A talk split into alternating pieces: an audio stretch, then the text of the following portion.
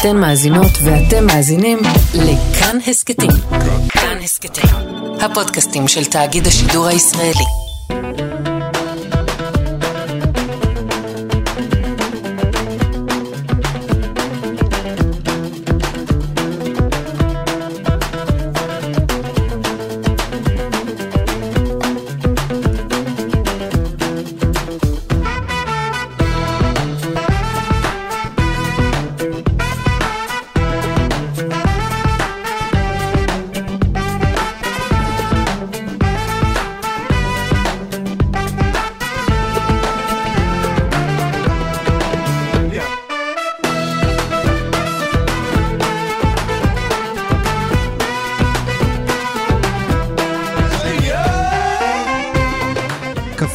גיברלטר, מגזין תרבות עם שורשים. אני אופיר טובול ואתם על כאן תרבות. 104.9 או 105.3 FM. ניתן להאזין לנו גם בפלטפורמת ההסכתים שלנו ובספוטיפיי. את התוכנית עורך אלעד ברנועי, מפיקה דניאל פולק, ועל הביצוע הטכני תמיר צוברי. היום בתוכנית נדבר על התרבות היהודית אחרי גירוש ספרד. אה, בעקבות שני גיליונות חדשים של כתב העת הכיוון מזרח, שחוזרים לפרק הפחות מדובר הזה של התרבות היהודית הספרדית, ושואלים למה הוא כזה. נדבר גם עם uh, הזמרת מורין נהדר על אלבום חדש של uh, שירים איראנים. מורין נהדר חוזרת לשנות ה-70, uh, שנים של טרום המהפכה האסלאמית באיראן, שיצאו שירי דיסקו ופאנק מאוד מאוד מעניינים וענקיים, ומורין נהדר חוזרת אליהם עם אלבום חדש. נדבר על הרב יוסף משאש, אה, מצוין בקרוב 25 אה, אה, שנים לפטירתו, עם אירוע וכנס אקדמי ורבני שקורה בקרוב בירושלים. נדבר על פרויקט חדש של פיוטים נשיים ועוד מוזיקה חדשה ככל שנספיק. אבל לפני כל זה, בחוץ יורד גשם, אבל אנחנו נתחמם פה באולפן עם שרית חדד, קאבר לחנן בן ארי, שמש. קפה גיברלטר אה, בכאן תרבות, הכיוון אה, מזרח, כתב עת אה, לחקר מזרחיות בעריכת פרופסור רמי קמחי מבית הספר לתקשורת המונים באוניברסיטת אריאל, מוציא שני גיליונות חדשים, 39 ו-40, ששניהם עוסקים בגירוש ספרד ובתרבות היהודית הספרדית. אה, אה, לאחר הגירוש, בשנים אה, שלאחר הגירוש. אני רוצה להתחיל, לפני שנדבר עם, עם פרופסור קמחי בעצמו, עם קטע מתוך הפתיחה שלו לחוברת. תארו לעצמכם שהממשל הפדרלי בארצות הברית יפרסם בשבועות הקרובים צו גירוש שאמור להתממש בתוך מספר חודשים ולחול על כל היהודים החיים היום בשטח ארצות הברית. במילים אחרות, תארו לעצמכם שצו גירוש יושת על יהודי המעצמה החזקה ביותר בעולם, שמקיימים את הקהילה הגדולה ביותר, העשירה ביותר, המשכילה ביותר, המתקדמת ביותר, בעלת ההשפעה הפוליטית הגדולה ביותר, כמו גם זו שנטמעה בסביבתה הנוצרית, טוב יותר מכל קהילה יהודית אחרת בזמנה או לפניה. זה פחות או יותר מה שקרה בספרד ב-29 באפריל 1492. שלום לך, פרופסור קמחי. שלום, שלום, שלום לך. וזו פתיחה חזקה מאוד, שעוזרת לנו להבין את גודל השבר שנקרא גירוש ספרד, אבל אני חושב שעל גירוש ספרד דובר אה, רבות, אה, גם באקדמיה ובכלל, אבל אתם באתם להוסיף משהו נוסף שלא דובר עד היום. מהו? כן, נכון, ואני, ואני אה, תכף אדבר על זה ואפתח את הנושא, אבל אני חייב אה, לתקן אותך אה, בתחילה, אה, מי שעורך את הכיוון מזרח כבר שנים רבות זה יצחק גורמזנו גורן, נכון, ידידי הסופר, נכון, נכון. ומי שהצטרפה אליו, אה, ולאחרונה זה גם שולה קשת. אה, שהיא גם מנכ"לית ארגון אחותי, שהוא המוציא לאור של, אה, של אה, כל הגיליונות האחרונים. אני מודה לך על התיקון החשוב. אוקיי, אני רק עורך את ה... ערכתי את שני הגיליונות האלה, שהנושא שלהם זה באמת התרבות היהודית הספרדית שלאחר הגירוש. אה, תודה לך על, ה, על הקטע שהקראת, זה אכן, אכן קטע חשוב. ואני חושב שמה ששתי הגיליונות האלה באים אה, להעיר, זו את העובדה שהיא מעט מאוד ידועה במסגרת השיח הציוני, שהיהודים אה, בעצם עזבו את ספרד עם תרבות אה, יהודית קתולית. ולא תרבות יהודית ערבית. Mm. בעצם תרבות יהודית נוצרית. כן. השיח הציוני נוטה להסיט את הזרקור אל תקופה מאוד מסוימת בהיסטוריה של היהודים בספרד, התקופה, התקופה שבהם של, שבה שלטו בספרד הערבים. כן, מה שנקרא תור הזהב. וכן, והתקופה הזאת נקראת באמת תור הזהב, אבל תור הזהב נגמר פחות או יותר במאה ה-13, או נניח בתחילת המאה ה-14, ומאז היהודים נשארו בספרד עוד כמה מאות שנים, כן. ורובם המכריע, מלבד, מלבד אה, מעט יהודים שחיו בגרנדה, ממש בקצה הדרומי הדרומי של ספרד, אה, חיו במאות שנים האלה תחת אה, שלטון נוצרי, והתערו בחברה הנוצרית כדי כך ש... היו מעט מאוד אה, משפחות אצולה, אה, ספרדיות נוצריות, שלא היה בהן דם יהודי. רק כשאנחנו בעצם מדברים גם בהקשר הישראלי שלנו היום על יהודים ספרדים, אז בדרך כלל הכוונה שלנו היא כמובן ליהודי ארצות האסלאם. ואתה אומר, לא, הייתה שם תקופה של 250 שנים, שהיהודים, יהודי ספרד, חיו תחת uh, שלטון uh, נוצרי, תחת הצלב ולא תחת הסהר. לגמרי תחת הצלב, ועם זה יצאו, עם התרבות הזאת יצאו המגורשים. אה, ו- ולא לא הרבה יודעים גם שהמגורשים היו אה, חלק, החלק הקטן יותר מיהודי ספרד, כי רוב היהודים הספרדים בחרו דווקא להתנצר ולהישאר בספרד. כן. מצבם היה, תאר לעצמך שהיום מגרשים את אה, יהודי ארצות הברית. אה, ואומרים להם, או שאתם מתנצרים, או שאתם, או שאתם הולכים מפה.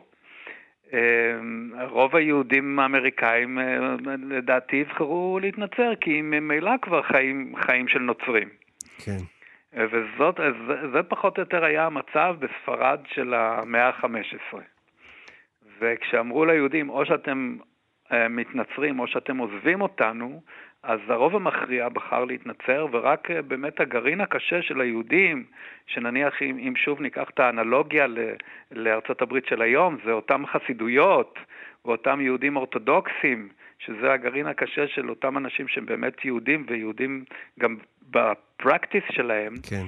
אה, אולי הם יבחרו לצאת, אבל הרוב, אה, הרוב המכריע יבחר להישאר ולהפוך לנוצרי, וממילא ממילא אלה החיים שהם מנהלים כבר עכשיו. מעניין מאוד, כי בעצם אנחנו היום ממשיכים של המסורת אה, אה, יהודי ספרד, זה המסורת של היהודים שבחרו להישאר יהודים אחרי כן. גירוש ספרד, ונתקלתי במסמך אה, מרתק שכתב הרב עובדיה יוסף בצעירותו, כשהוא ארגן חבורה של ספרדים, ובו הוא מגדיר בעיניו מהי הזהות הספרדית, והוא מגדיר אותה כזהות יהודית פטריוטית. כלומר, של אותם יהודים שנותרו אה, אה, יהודים ולא הפכו לספרדים.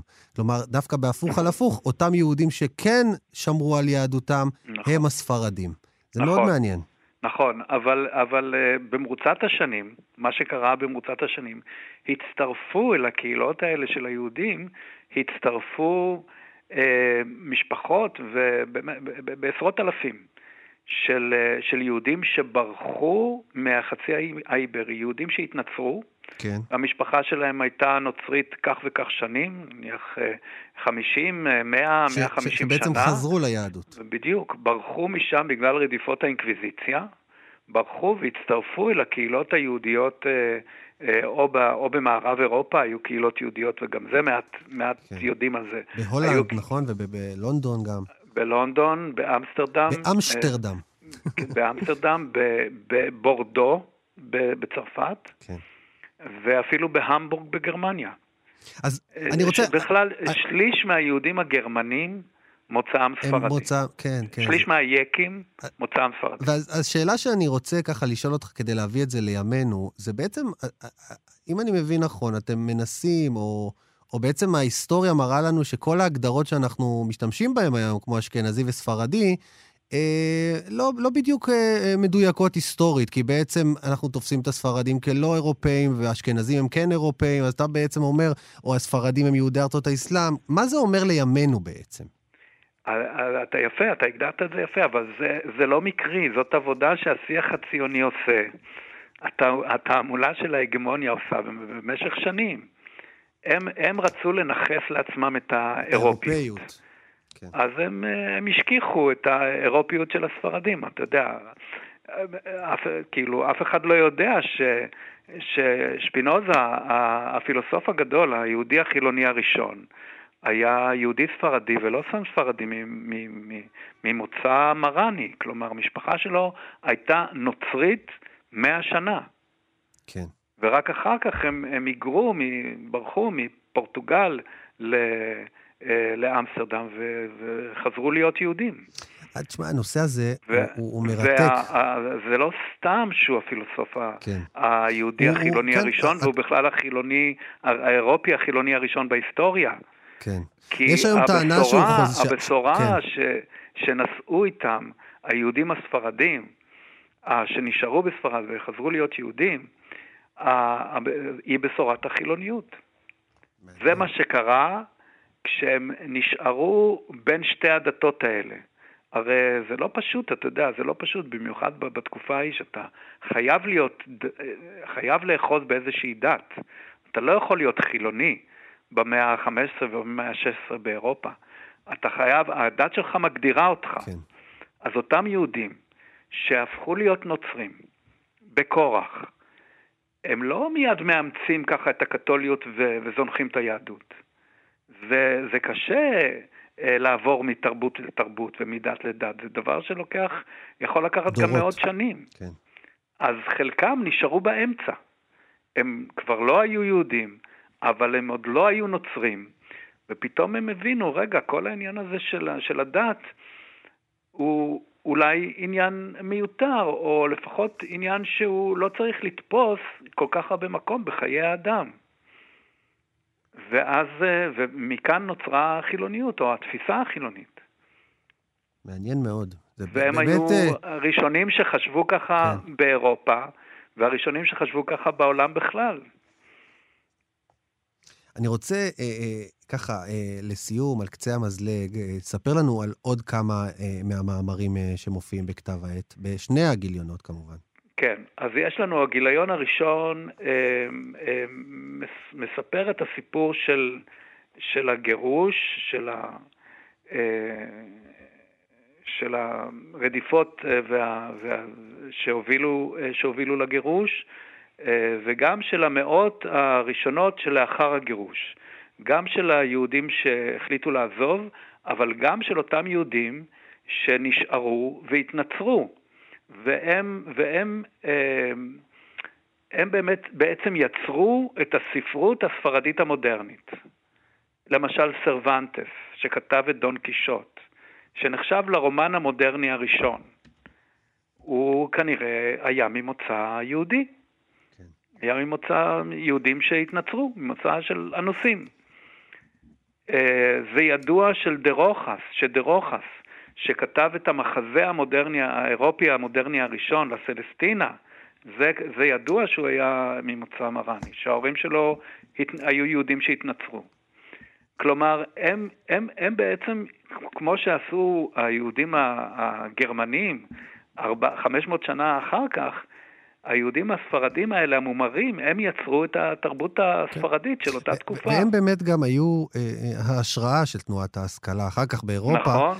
נכון. אה, תשמע, זה, כמו שאתה ה... מבין, אה, פרופסור קמחי, אני כן. הייתי יכול לדבר איתך על הנושא הזה. אה, אה, לא, לא, לא, לא תוכנית אחת, אפילו כמה וכמה, כי זה באמת מרתק, אבל אה, אנחנו רק רצינו לתת טעימה מתוך ה, אה, שני הגיליונות החדשים תודה, שלכם. אז אולי אני אתן עוד משהו מהגיליון השני, כי זה היה הגיליון הראשון. אבל ממש על רגל אחת, על רגל משפט. אחת, בגיליון השני, מה שאנחנו מראים, זה שיש יוצרים בתקופה המודרנית, שהם, שהם אה, מושפעים מאותם, מאותם יוצרים מראנים, אנוסיים, ספרדים של המאה, של המאה ה-15 וה-16, וכותבים באותה רוח, כמו אה, אה, אלברטו מורביה, שהוא אחד הסופרים האיטלקים הכי מפורסמים במאה ה-20, כמו אליאס קנטי, שהוא סופר יהודי ספרדי שזכה בנובל, בנובל לספרות, כמו פרימו לוי,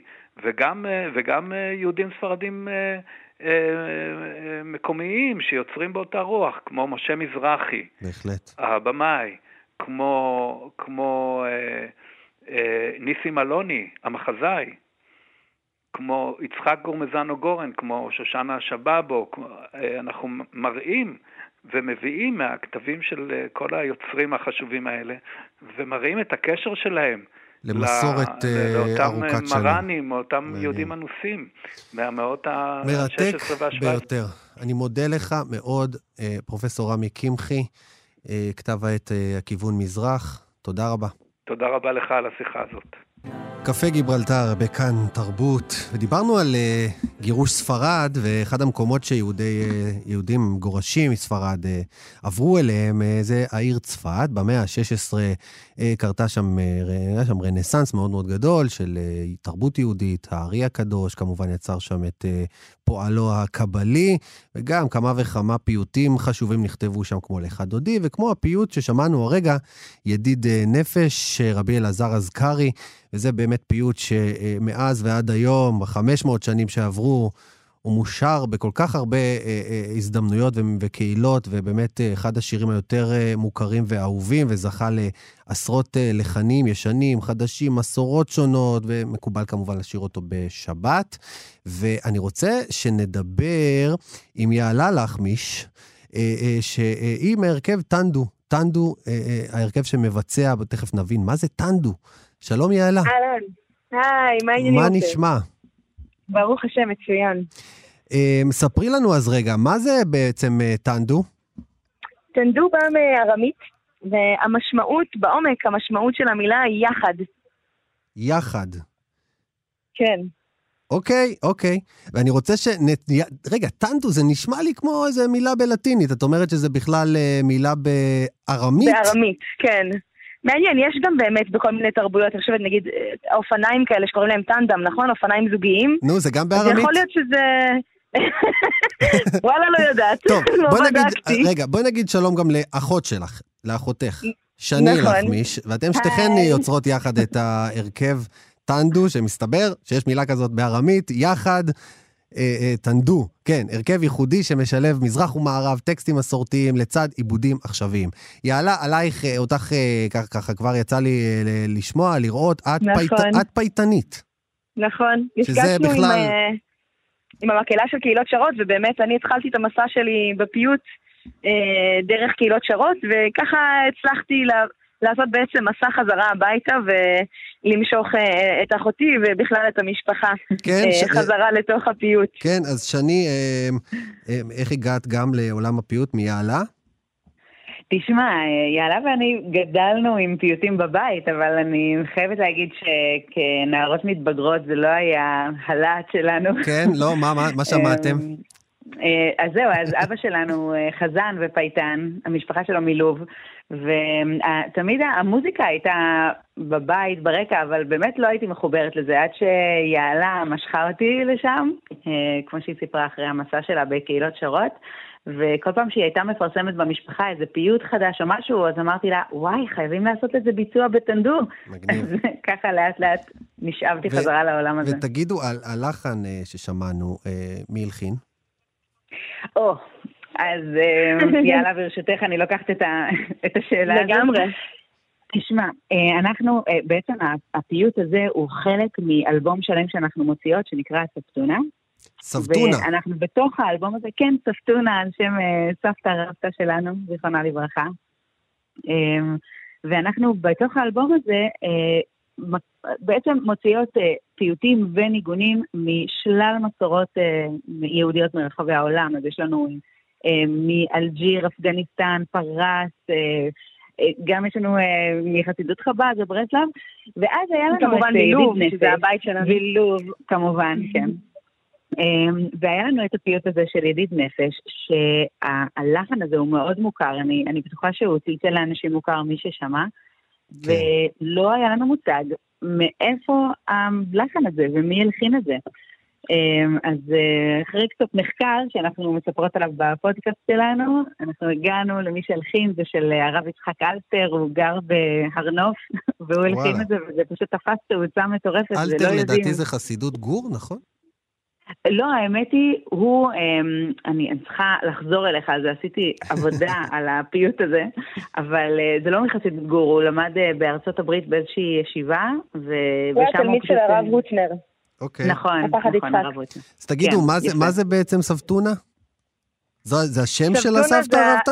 זה הכינוי, זה הכינוי, כמו אוקיי. ש... כאילו זה מלשון סבתא? אבל סבתונה. כן, כמו כן. סבתוש. אז סבתונה זה הכינוי של אה, סבתא רבתא שלנו, ששמה היה דיאמנטינה.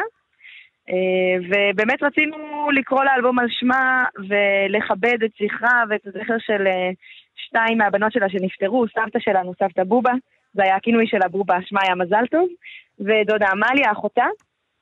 ובעצם אה, לחבר את הפיוטים גם חזרה לסיפור המשפחתי, דרך הערכים שעולים מתוך הפיוטים, ובאמת בפודקאסט אנחנו מרחיבות הרבה, הפודקאסט שלנו נקרא על סבתונה, ועל כל אה, שיר שיוצא, כל סינגל אה, מלווה בפרק פודקאסט שמעמיק עוד בפיוט עצמו וב... אה, מאיפה הוא מגיע, מאיפה הלחנים, כמו שאמרנו עכשיו, באמת להסביר הרבה על הלחן הזה, מאיפה הוא צץ, אה, ובכלל על המנהג של לשיר את ידיד נפש בקבלת שבת, שהוא מנהג די מודרני. אנחנו מכירים אותו בסידור, זה כאילו נמצא, אז אנחנו חושבים שזה עתיק, אבל ידיד נפש בכלל היה מבוצע בבקרים, אה, בפשירת הבקשות, או בש- כן. בזמן של לפנות בוקר ולא של לפנות ערב.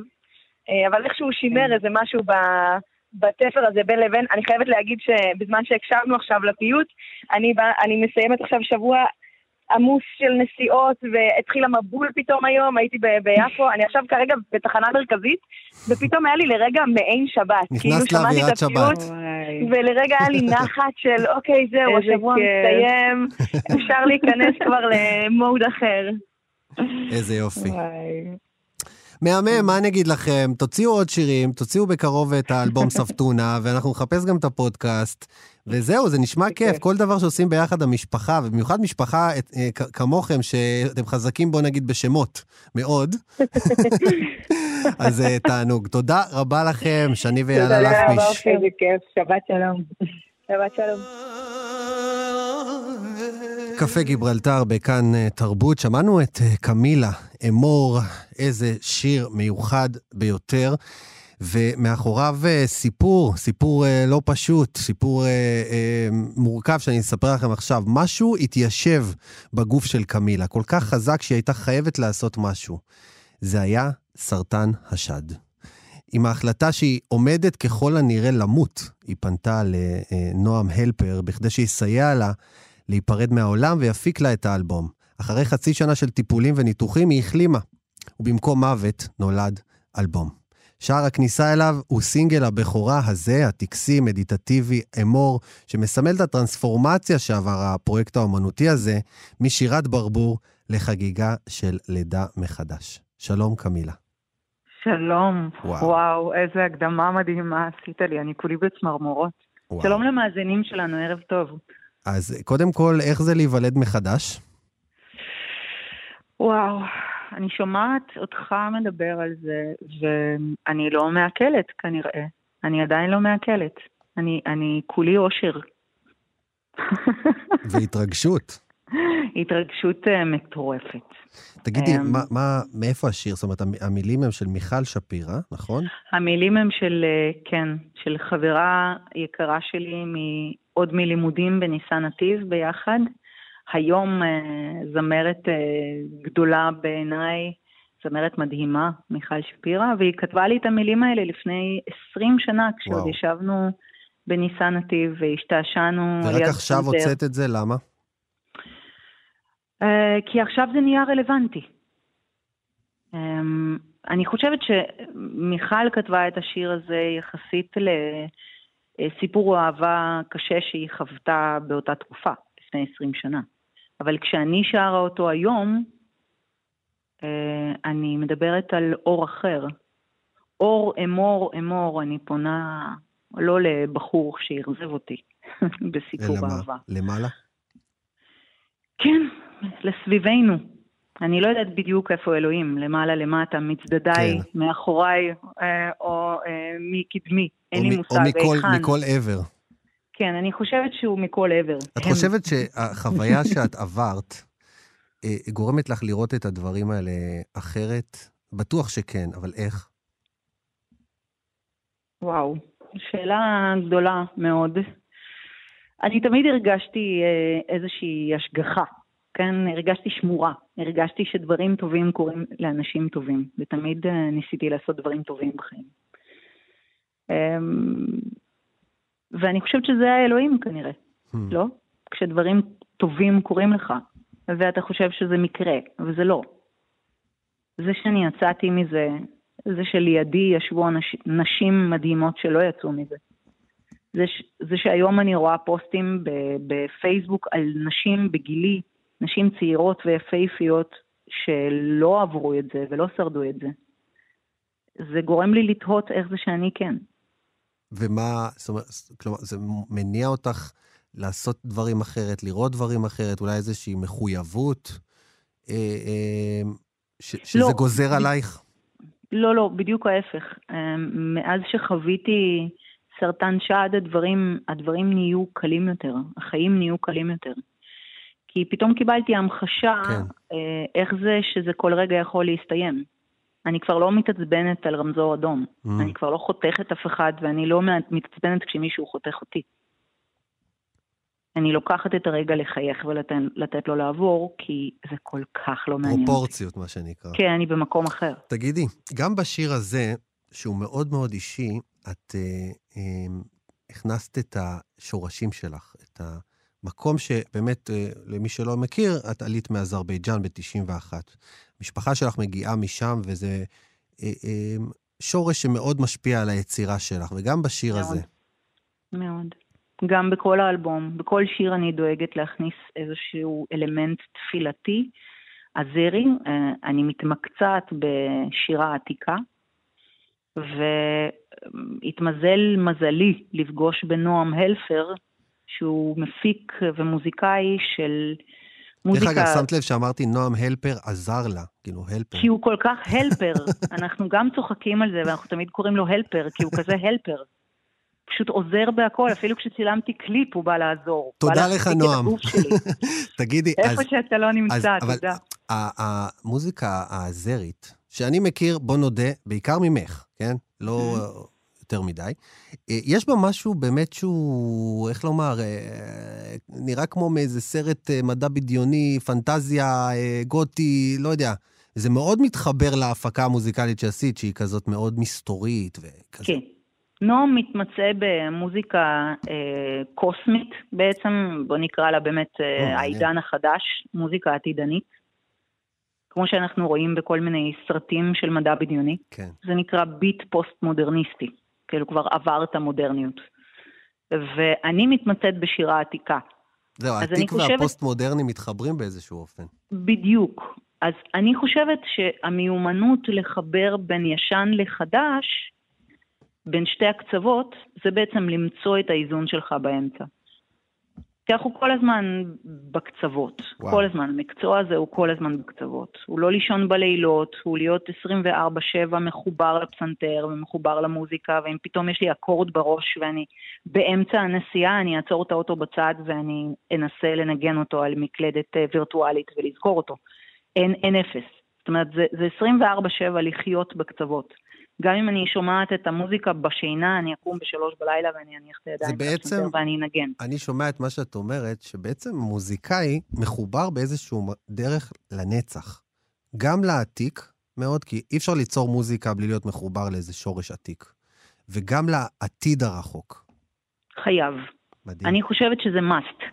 אם מוזיקאי לא מחובר בשתי הקצוות שלו, כמו חשמל, כמו תקע לחשמל, למעלה ולמטה, אני חושבת שהוא מוזיקאי שהמוזיקה שלו שטחית והיא נשכחת אה, אחרי שהטרנד עובר. אבל יש מוזיקה נצחית. יש לד זפלין. שהיו כן? מאוד עתידנים, אגב. כן, יש פינק פלויד. יש דברים שאף פעם לא יישכחו. הם, הם אגדיים. יש בטהובן, יש באך. לעולם לא יפסיקו לנגן את זה. וזה מדהים, כי זו מוזיקה שקופצת ממש קפיצה קוונטית, דורות על גבי דורות, והיא רלוונטית. מעולם לא יפסיקו לנגן מוזיקה קלאסית. מעולם לא נפסיק להתפעל מפינק פלויד. ואלה האנשים שנגעו במודרני, והיו מצד שני מאוד מחוברים עם השורשים שלהם לקרקע, לאדמה, לכוח של... כן. לכוח המשיכה, כמו מגנט. זה מוזיקה. מוזיקה יש לה את היכולות להחזיק אלפי אנשים יחד. כי כששרים יחד הכל נשכח. שנאה, מלחמות, ויכוחים, תכלס. פשוט שרים יחד. אני חושבת שאנחנו נוגעים פה ב... בקדושה כש, כשאנחנו מעיזים לגמרי. לכתוב מוזיקה. במיוחד מהמקומות הקשים האלה של החיים, ואני סופר מודה לך, אה, קמילה, מצפה מאוד לאלבום הבא, השני שלך, אה, שיצא בקרוב. כן, כן, האלבום החדש בדרך, והסינגל השני מתוכו ממש יוצא עוד שבועיים, אז אני מקווה שאנחנו נדבר שוב בקרוב. בעזרת השם. תודה רבה, קמילה. תודה רבה. שמחתי לדבר איתך כמו תמיד. שמחתי. קפה גיברלטר, בכאן תרבות. רבי יוסף אה, משאש, בקרוב אה, נציין אה, כמה? כמעט 45 שנה, או, או סליחה, 48 שנים לפטירתו, בכנס אקדמי שמארגנים חברינו מקולנה ירוחם. אה, אה, ביד בן צבי וגם מהמכללה האקדמית קריית אונו, ואני רוצה לדבר עם אה, מי שמארגן את המאורעות הללו, דוקטור דוד ביטון. שלום לך. שלום אופיר וערב טוב. אז בוא, בוא נדייק את המספר. 20, רבי יוסף משאש נפטר ב-25 בינואר 1974. נכון, בבית שבט, ובעצם זה יום זה יום הפטירה שלו, צריך אה, אולי גם להגיד שזה 130 שנה להולדתו, ב-1892 הוא נולד. אה, זהו, אנחנו מדברים על אחד הרבנים ה... אולי המשמעותיים במרוקו, איש אשכולות, אה, פסק, היה דיין במשך יותר מ-50 שנה בשלוש ערים שונות, במקנס במרוקו, בתלמסן באלג'יריה, בחיפה בישראל.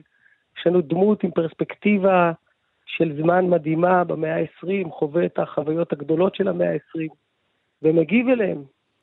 ואתם, בכל האופנים. ואתם מארגנים בעצם כנס דו-יומי, שיהיו בו גם אה, ועידה של רבנים וגם של חוקרים, והדמות הזאת, רבי יוסף משאש, בעצם מעניין את שני העולמות, שתי העולמות האלה אה, אה, גם יחד. גם, אה, גם את הרבנים, חוקרי ההלכה, אנשי ההלכה, מנהיגים התורניים, ומצד שני גם נכתבו עליו כמה וכמה דוקטורטים, גם שלך, ו, והוא מעניין מאוד את עולם המחקר. איך אתה מסביר את ה... זה לא, זה לא נכון לגבי הרבה רבנים אחרים, תקן אותי.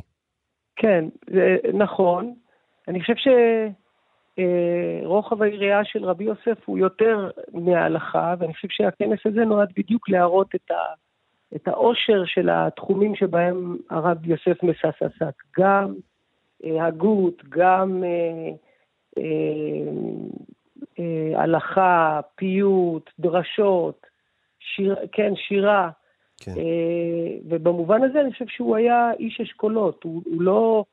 בכל תחום שהוא עסק, הוא, הוא, הוא עסק בו לעומק והיה מאוד מקורי. אה, אין לנו הרבה רבנים ש, שאתה יכול להגיד עליהם שהם באמת עסקו בכל התחומים האלה ובכל אחד מהם היו מאוד מקוריים. אה, אני חושב שדבר נוסף שמאפיין אותו זה היכולת שלו לצפות את העתיד. הייתי אומר, הוא היה סוג של עתידן. כן. אבל גם היכולת שלו לנתח את ההווה ולהיות נטוע בעבר. זאת אומרת, הוא הכיר לפני ולפנים את כל הספרות היהודית, הן המרוקאית והן הכללית. אה, הוא הכיר רבנים אה, בני דורו, לאו דווקא ממרוקו, התכתב עם, עם, עם אנשים ועם אה, כתבי עת בכל העולם. ואני חושב שאחד הדברים שהשפיעו עליו מאוד היה הנסיעה שלו לטלמסן. בגיל 32 הוא מתמנה להיות דיין בטלמסן באלג'יריה, שכבר נמצאת כמעט 90 שנה תחת כיבוש צרפתי, שחווה את המודרניות, שבעצם... עיר אירופאית בלב הצפון אפריקה. אה, מדינה, כן, מדינה קולוניאלית, שוב, עם, עם, עם המשמעויות הקולוניאליות של, של כן. להיות מדינה. ובעצם יהדות אלג'יריה חווה את, ה, את המציאות המודרנית ב, ביתר שאת וביתר עוז מאשר יהדות מרוקו. שנכבשת על ידי צרפת רק ב-1912. אז איך הוא, איך הוא מתמודד עם, ה, עם החיים בעיר הזאת, עם ההנהגה של העיר שעוברת תהליכי חילון מתקדמים? אנחנו יודעים שבאירופה התגובה של הרבנים הייתה פחות או יותר, קהילות התפצלו לאלה שמקפידים יותר, אלה שלא מקפידים. איך הוא מגיב? נכון, אני חושב שזה מעניין שדווקא הוא הצליח להחזיק את קהילת טלמסן. אנחנו יודעים על כמה רבנים שמנסים את מזלם בטלמסן, והקהילה אה, דוחה אותם. ודווקא רבי יוסף, שמגיע ממקנס, השמרנית, כן. אה, אה, הוא זה שמצליח ל, ל, בעצם להוביל את הקהילה ל, לאיזושהי זהות יהודית, שהייתי אומר אה, ממשיכה עד היום, למרות שהוא מבין שלא כולם ישמרו אה, אה, במאת האחוזים. זאת אומרת, במובן הזה אני חושב שהוא נוסע בזמן, כי הוא מבין שמקנס או מרוקו תגיע לאותו מצב של טלמסן בעוד כך וכך עשרות שנים. כן. ובעצם, ולכן... בעצם רבי יוסף משאש מתמודד שם עם בעיה ישראלית, בעיה של ישראל על 2020 בעצם. אני לא יודע, זאת אומרת, מציאות קצת אחרת, אתה יודע, המציאות, המעבדה הישראלית היא מעבדה אחרת, כי היא מעבדה של קיבוץ גלויות. היא מעבדה של, של מי שמייבא את, ה, את החילון או את המודרנה, זה יהודים. כן. לכן, יש פה איזשהו אבסורד, דווקא יהדות אלג'יריה, שעוברת תהליכי חילון מואצים, היא עדיין שומרת על סוג של מסורתיות. אני אגיד לך למה, נכון, המסורתיות, שאנחנו מדברים על, על רבי יוסף משאש, אתה יודע, פעם חשבתי שצריך לקרוא לו הרב של המסורתיים באיזשהו מקום, המנהיג של המסורתיים, מי שנתן אה, את הגושפנקה לקיום הזה. וכשאני קורא את הדברים שהוא כתב, אני אומר, האיש הזה היה מאוד לא גלותי. זאת אומרת, במובן הזה שהוא הוא לא, הוא לא אוהב את הפיצולים לאשכנזי וספרדי, או לדתי וחילוני, כל מיני פיצולים שבעיניי מאוד גלותיים, והוא היה מאוד לא גלותי. ואז כשגיליתי שהוא בעצם עלה לארץ בגיל די מבוגר, אני אומר, דווקא המודל הלא גלותי, האנטי-גלותי, היה בגלות בעצם. כן, הוא עלה לארץ בגיל 72. אה, ו... אני לא זאת אומרת, קשה פה לדבר על גלות ולא גלות. אני חושב שמה ש... העקרונות שהנחו את רבי יוסף, א', לשמור על אה, זהות יהודית, גם אם היא חלקית, גם אם היא לא מושלמת, אחדות הקהילה, והייתי אומר, המשכיות הקיום היהודי, זאת אומרת, להיות רב של כולם. במובן הזה זה לא גלותי. כן, בדיוק. זה שהוא מגיע לארץ, והוא אומר, אני לא רב רק של מרוקאים, או רק של מזרחים. או רק של דתיים, כן? מה? או רק של דתיים. או רק של דתיים, בדיוק. אני רב של כולם. אני רואה לנגד עיניי את כולם. לא באתי לשרת קבוצה מסוימת.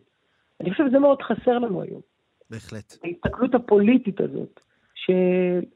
זאת אומרת, אני לא מאשים אף אחד, הרבה פעמים רבנים אה, אה, נאלצים להיכנס לאיזושהי ראייה פוליטית, קבוצתית, סקטוריאלית, נדמה שרבי יוסף מנסה אה, להשתחרר מהדבר הזה. בהחלט, וזה באמת מודל, אה, מודל לכל מי שעוסק בכלל בהנהגה ובהנהגה יהודית, אה, דתית, רבנית בפרט. אני מאוד מודה לך על השיחה, לצערי אנחנו צריכים לסיים, אבל, אבל אנחנו עד לכנס, אני מקווה שנספיק בכל אחת מהתוכניות, לדבר עם אחד ממשתתפי הכנס, כי דמותו של רבי יוסף משאש היא דמות חשובה מאוד. תודה רבה, כן. דוקטור דוד ביטון. אני רק רוצה, ברשותך, אופיר, להודות באמת לעוסקים במלאכה, למיכל אוחנה שמרכזת, דוקטור מיכל אוחנה, כן. שמרכזת את הכנס, למשרד, ולכל הוועדה האקדמית, משרד התרבות, לקריה האקדמית אונו, אה, למכון בן צבי, לקולנה ולחכימה. תודה רבה. תודה רבה לכולם. רבה. לכולם. קפה גיברלטר בכאן תרבות. אני רוצה להגיד שלום לזמרת מורי נהדר, הנהדרת, שאני חולה עליה. לא שומעים אותך, מורין. שומעים אותך ברקע, בשיר, אבל הקו, הקו, תנסי לשפר ככה מיקום. הקו, רגע, ועכשיו? עכשיו יותר טוב. מה נשמע, מורין? וואו, כיף, כיף גדול. אז את, אה, בוא נספר למאזינים שאת עובדת על אה, אלבום חדש אה, של חידושים לקלאסיקות של הפופ האיראני של שנות ה-70, השנים שלפני המהפכה האסלאמית. אה, בוא נגיד שמביני מוזיקה יודעים, לא רק איראנים, לא רק פרסים, יודעים אה, שהיה שם משהו, היה שם משהו אה, גדול מאוד בתקופה ההיא, ואת חוזרת לשם, לתקופה ההיא, באיראן. כן, לגמרי. תראה, אני גדלתי על התקופה הזו, אני הייתי פעוטה שהדברים האלה היו בזמן אמת להיטים גדולים, וזה מה ששמענו בבית, לצד המוזיקה הקלאסית. אז, אה, אז כן, אני חושבת שזה חלק גדול גם מהחינוך התרבותי שלי והמוזיקלי שלי, ממש ממש. ומדובר באמת בענקים, שגם היום אה, בלוס אנג'לס מופיעים עד היום בפני רבבות של גולים איראנים בכל העולם. ורואים בהם ממש סמלים של, אה, אתה יודע, של החופש ושל איראן שמה סמלים שהייתה... של, של איראן האחרת. איראן האחרת, כן, האמיתית, מה שהיא, מה שהיא הייתה אמורה להיות. ו, אבל הם, הם עצמם יצרו מוזיקה שהיא לא בדיוק אה, מסורתית במובן הזה שיושבים על הרצפה ומנגנים בדומבק, ו... לא, נכון? בכלל לא, בכלל לא. תשמע, הם היו לגמרי, הם נכנסו עם כל הראש והרגליים לתוך המערב, זה אומר כל הכלים שאתה יכול לדמיין. אה, עיבודים תזמורתיים, הרמוניות, אה, ג'אז, ברסים, חצוצרות, כן. כאילו מהכל. וגם פסיכדליה ו rock and roll ו funk. הרבה פסיכדליה, נכון מאוד. אז, אז זה, זה קטע ממש מעניין, כי באמת היה בליל של סגנונות בתקופה הזאת. הם לא עשו ממש מוזיקה מז'אנר אחד רק בגלל שזה היה מצליח.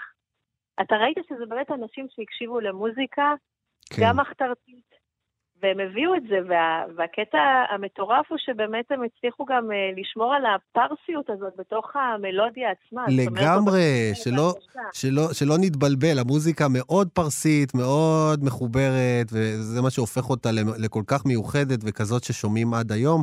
אה, אה, אה, כי, כי, כי באמת לא, לא ניסו שם רק לחקות את אמריקה, או, אלא לייצר משהו ייחודי. תגידי, מה, מה קרה לכל הדמויות האלה? גוגוש והיידה, ובאמת הרבה מאוד דיבות, גם הרבה נשים. מה קרה להם עם, עם המהפכה בעצם? אז הידה, ששמעתם את השיר שלי שאני מבצעת אותו, הגולסן, גם זה באמת היה השיר האחרון שבעצם היה סוג של המנון אחרון לחופש. הוא הפך להיות ממש סמל. אמ, אז היא לצערנו נפטרה בשנות ה-80, אמ, מאוד מוקדם, בגיל 50 ומשהו, והיא הייתה באמת אחת הענקיות, אין קול כזה בעולם, נקודה. זה, זה סוג של אום כולתום חד פעמית ש, שבא אחרי כן. כל אלף שנה אולי. אז היא, היה לה את החלק שלה. גוגוש, לעומת זאת, תיבדל לחיים ארוכים, עדיין חיה ב- בלוס אנג'לס, אחרי ש-20 שנה אה, היא לא שרה. אסרו עליה לשיר, היא הייתה באיראן, היא קיבלה איומים על חייה והיא לא שרה. ורק לפני 20 שנה, ממש, היא החליטה שהיא עוד פעם מתחילה להופיע, והיא בכתה, בהופעה הראשונה שלה היא ממש בכתה. וואו. וזה היה, פשוט... אה, וזה היה באיראן או בלוס אנג'לס? לא, לא, זה היה כבר בארצות הברית, בוודאי. כי ו... באיראן עצמה זה בכלל לא, לא רלוונטי, יכולים לעצור אותה על כזה דבר. אין מצב, היא גם שעתה בכלא, זאת אומרת, רוב האינטלקטואלים והאומנים, כולם כולם ברחו או לאירופה או למערב. ומשם הם בעצם אה, מנהלים אה, חיים כפולים, או אתה יודע, כן. מדברים על קשר והכול, אבל אתה יודע, כל הזמן עין לציון צופיה, זה, מבחינתם זה עין לאיראן צופיה. כן, זה... הם, אה, הם היו מאוד רוצים לחזור ושאיראן תחזור לנורמליות. תגידי, אני רוצה לשאול אותך, לך יש קהל אה, אה, איראני? ברור, ועוד איך. גם סמוי, גם גלוי, אני כל הזמן מקבלת תגובות. אפילו ברמה של מלחשים שאומרים לי, תשמעי, אנשים לא רצו להיחשף, אבל, אבל שתדעי שזה קורה, וגם באמת תגובות שאני מקבלת אליי. אה, וזה מאוד מרגש, וזה גם לא מפתיע. תשמע, אני באמת חושבת שהחלק הארי האיראני, א', הוא קודם כל כל כך דומה לנו ב-DNA הישראלי, שזה אין לתאר. כן. אני יכולה להגיד לך שהייתי לפני שנתיים וחצי אה, בהופעה בגרמניה על טהרת הקהל האיראני, שבאנו לראות דיבה אחרת, וההרגשה הייתה שבאתי לאיזה אירוע משפחתי בארץ. כאילו, הייתי היהודייה היחידה, אבל זו הייתה תחושה, וגם דיברתי שם עם אנשים. אף אחד לא התרגש מזה שאני מישראל. אמ, אנשים מאוד חמים, מאוד לבבים, לא צריך להגיד. והמוזיקה לא עצמה היא פשוט יפהפייה, ואני אומר את זה, לא, בוא נגיד, לא בתור פרסי ולא איראני, ובאמת לא מבין מילה, אבל השירים הם, הם יפים בצורה בלתי רגילה. ואני מחכה לאלבום הזה מאוד מאוד מאוד. מורי נהדר, תודה ענקית לך. אופיר, אז יש לי אקסטארט, בוא נגיד שיש לי אקסטארט. כן. אה, עכשיו אפשר ללכת ולתמוך בפרויקט? כן, כן, כן, הוא נמצא כבר באקסטארט. אז כולנו נעשה את זה. תודה רבה, מורי נהדר. אני חייב לסיים, אנחנו הגענו לסוף התוכנית. תודה לך. קפה גיברלטר, מגזין תרבות עם שורשים, תודה לעורך התוכנית אלעד ברנועי, תודה למפיקה דניאל פולק, לטכנאי השידור תמיר צוברי. אני אופיר טובול, ניפגש כאן שוב בעזרת השם בשבוע הבא. שבת שלום ולהתראות!